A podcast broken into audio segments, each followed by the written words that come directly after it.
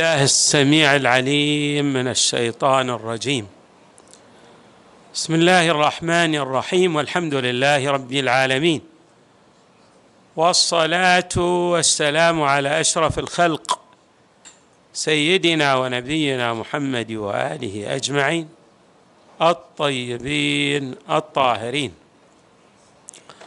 قال الله تعالى في القرآن الكريم إنما يريد الله ليذهب عنكم الرجس أهل البيت ويطهركم تطهيرا. صدق الله العلي العظيم. إمامنا الحسين عليه السلام هو من مصاديق آية التطهير. والقرآن الكريم إنما يؤكد على طهارة أهل البيت ليفصح لنا عن معان متعددة. من أهم تلكم المعاني أن ما يأخذه الإنسان عنهم ومنهم يؤدي إلى الطهارة والتزكية والرفعة في دنيا الإنسان وآخرته. ولهذا نجد الأحاديث المتعددة والكثيرة في شأن كل واحد من مصاديق آية التطهير. وفي شأن الإمام الحسين عليه السلام بالخصوص. هناك أحاديث متعددة وردت عن المصطفى صلى الله عليه وآله في شأن الحسين. من أهم تلكم الأحاديث قوله صلى الله عليه وآله إن الحسين مصباح هدى وسفينة نجاه ومعنى هذا الحديث جلي واضح أي أن من أراد أن تتضح له الأمور أن يستضيء في الظلمات المدلهمة فعليه أن يكون مع الحسين. وكذلك من أراد أن لا يغرق بالفتن التي تصاب بها الأمم فعليه أن يركب في سفينة الحسين عليه السلام. ومعنى ذلك أنه إذا لم يأخذ بهدي الحسين ولم يركب في سفينته سوف يعيش في الظلام. وبالتالي سيغرق في لجة تلك البحار من الفتن. أيضا الإمام الحسين عليه السلام الأحاديث الواردة عن المصطفى صلى الله عليه وآله دللت على مسار حياته المستقبلي. بمعنى أن النبي صلى الله عليه وآله أوضح ما يجري على الإمام الحسين عليه السلام. لئلا تكون الأمة تقول لا ندري لا نعلم. في بعض الأحايين هناك ما يسمى استشراف المستقبل. القائد الفذ يستشرف المستقبل. فما بالك إذا كان القائد هو المطلع على الواقع بما هو هو كما يعبر الحكماء؟ بمعنى أن النبي صلى الله عليه وآله يدرك حقائق الأشياء. اللهم أرني الأشياء كما هي. فهو يرى بنور الله تبارك وتعالى. ولذلك عندما يأتيه جبريل عليه السلام في أكثر من مرة ويتحدث مع المصطفى صلى الله عليه وآله بمجريات الأمور في المستقبل. بما يحدث من ظلم من انتهاك للحرمات من تعد على الرسالة المتجسدة في الإمام الحسين عليه السلام. هو الثقل الآخر. إني تارك فيكم الثقلين. كتاب الله وعترتي أهل بيتي.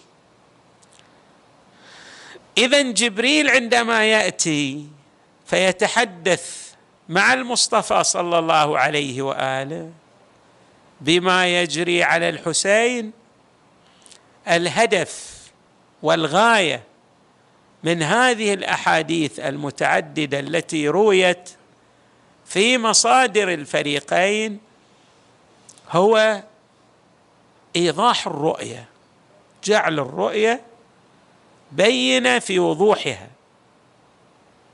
لا تصاب بشيء من الغتش ولا يلفها شيء من الغموض ولا يعتريها شيء من الإبهام. غاية في وضوحها.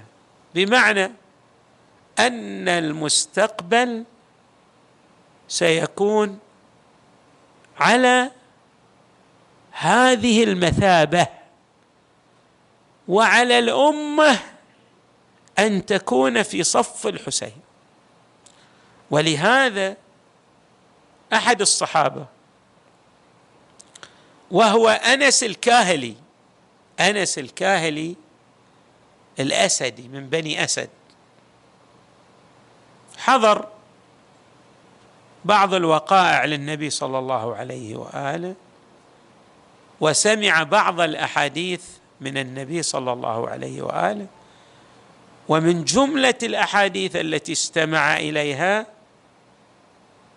هذا الحديث أن الحسين سيتعرض إلى مظلمة كبيرة وستكون الأمة بمنأى عن الصواب وهي بعيدة عن طريق الحق وعلى من أدرك ذلك الزمن أن يكون مع الحسين وأن ينصر الحسين. فهذا أنس الكاهلي الأسدي بالفعل عندما أدرك الحسين وهو من أصحاب النبي صلى الله عليه وآله ويعرف أنه كما يعبر العلماء لا مندوحة له لا بد أن ينصر الحق وإلا كان مع الباطل. فما كان منه رضي الله تعالى عنه إلا أن يكون مع الحسين وأن يستشهد مع الحسين عليه يعني أن يكون من أنصار الحسين وأن يقدم نفسه قربانا في سبيل الله. أيضا ليس فقط النبي صلى الله عليه وآله أوضح هذا المسار. الإمام أمير المؤمنين ذكر المؤرخون أنه عندما كان في العراق أكثر من مرة مر بمقربة من المكان الذي سيستشهد فيه الحسين وكان يقف متاملا. بل وكان يجلس باكيا. فيسأله أصحابه ما بالك بهذا البكاء المرير؟ فيقول هنا يستشهد الحسين.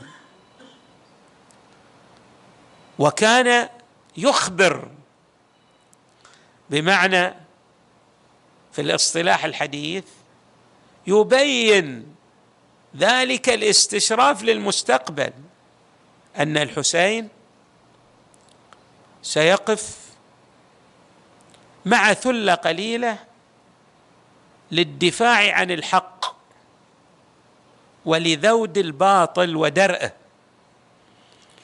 ولكن هذه الوقفة ستكلف الحسين حياته. هذه الوقفة من الحسين عليه السلام ستؤدي به وبأهل بيته صلوات الله وسلامه عليهم أجمعين إلى الشهادة. فكان الإمام أمير المؤمنين في أكثر من موقف يقف بمقربة من المكان الذي يستشهد فيه الحسين ليدلل على تلك الملحمة العظيمة التي سيشهدها الحسين وستشكل معلما لتاريخ الإنسانية جمعاء وتاريخ المسلمين بالخصوص.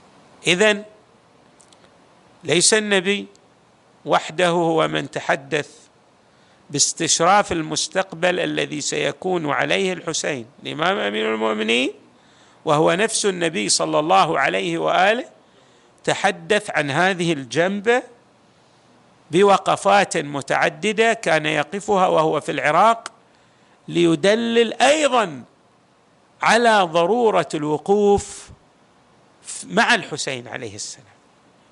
يعني هذه المواقف من لدن النبي ومن لدن الإمام أمير المؤمنين. تريد أن تبين لنا ضرورة الوقوف مع الحسين؟ لنكون ماذا؟ من الذين يستضيئون بمصباح هدايته من الذين يركبون في سفينة نجاته صلوات الله وسلامه. وهكذا جاء الأئمة. كل إمام منهم بعد الإمام الآخر ليؤكد على مسألة إحياء أمر الحسين عليه السلام بعد استشهاده.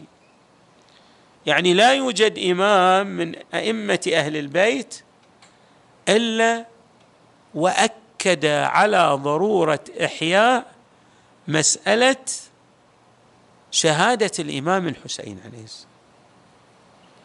هناك أحاديث متواترة كثيرة كلها كل هذه الأحاديث تتحدث عن أهمية وضرورة إحياء مصيبة الإمام الحسين. وتربط هذه الأحاديث المتعددة والكثيرة بأن إحياء أمر الإمام الحسين هو إحياء للدين هو نجاة للمحيي هو وصول لذلك المحيي إلى مرضاه الله تبارك وتعالى إلى نهاية المطاف. يعني ترتبط قضية الإمام الحسين بقضية الإمام المهدي عليه السلام.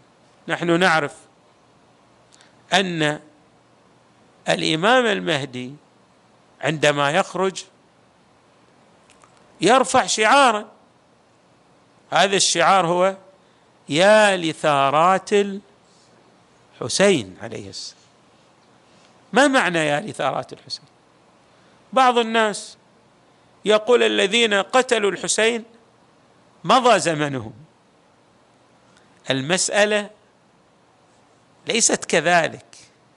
ينبغي علينا أن نقرأ هذا الشعار بقراءة سليمة بمعنى أن الأهداف والغايات التي ثار من أجلها الإمام الحسين. تشكل ماذا؟ قواسم مشتركة للإنسانية جمعاء. الامام الحسين إنما أراد أن يثور من أجل شنو؟ الحرية. أن يثور من أجل الكرامة. أن يثور من أجل رفع الظلم. والذين قتلوا الحسين عليه السلام أرادوا أن يئدوا هذه الكرامة للإنسان. أرادوا أن ينتهكوا مبادئ الإسلام. فلما يرفع الإمام المهدي عليه السلام شعار يا لثارات الحسين بمعنى أن الشعارات التي يرفعها الإمام المهدي عليه السلام هي المطالبة بحقوق الإنسان. هي المطالبة بالحرية. هي المطالبة بالكرامة. هي المطالبة بإنفاذ القانون. هي المطالبة بالصيرورة مع الحق.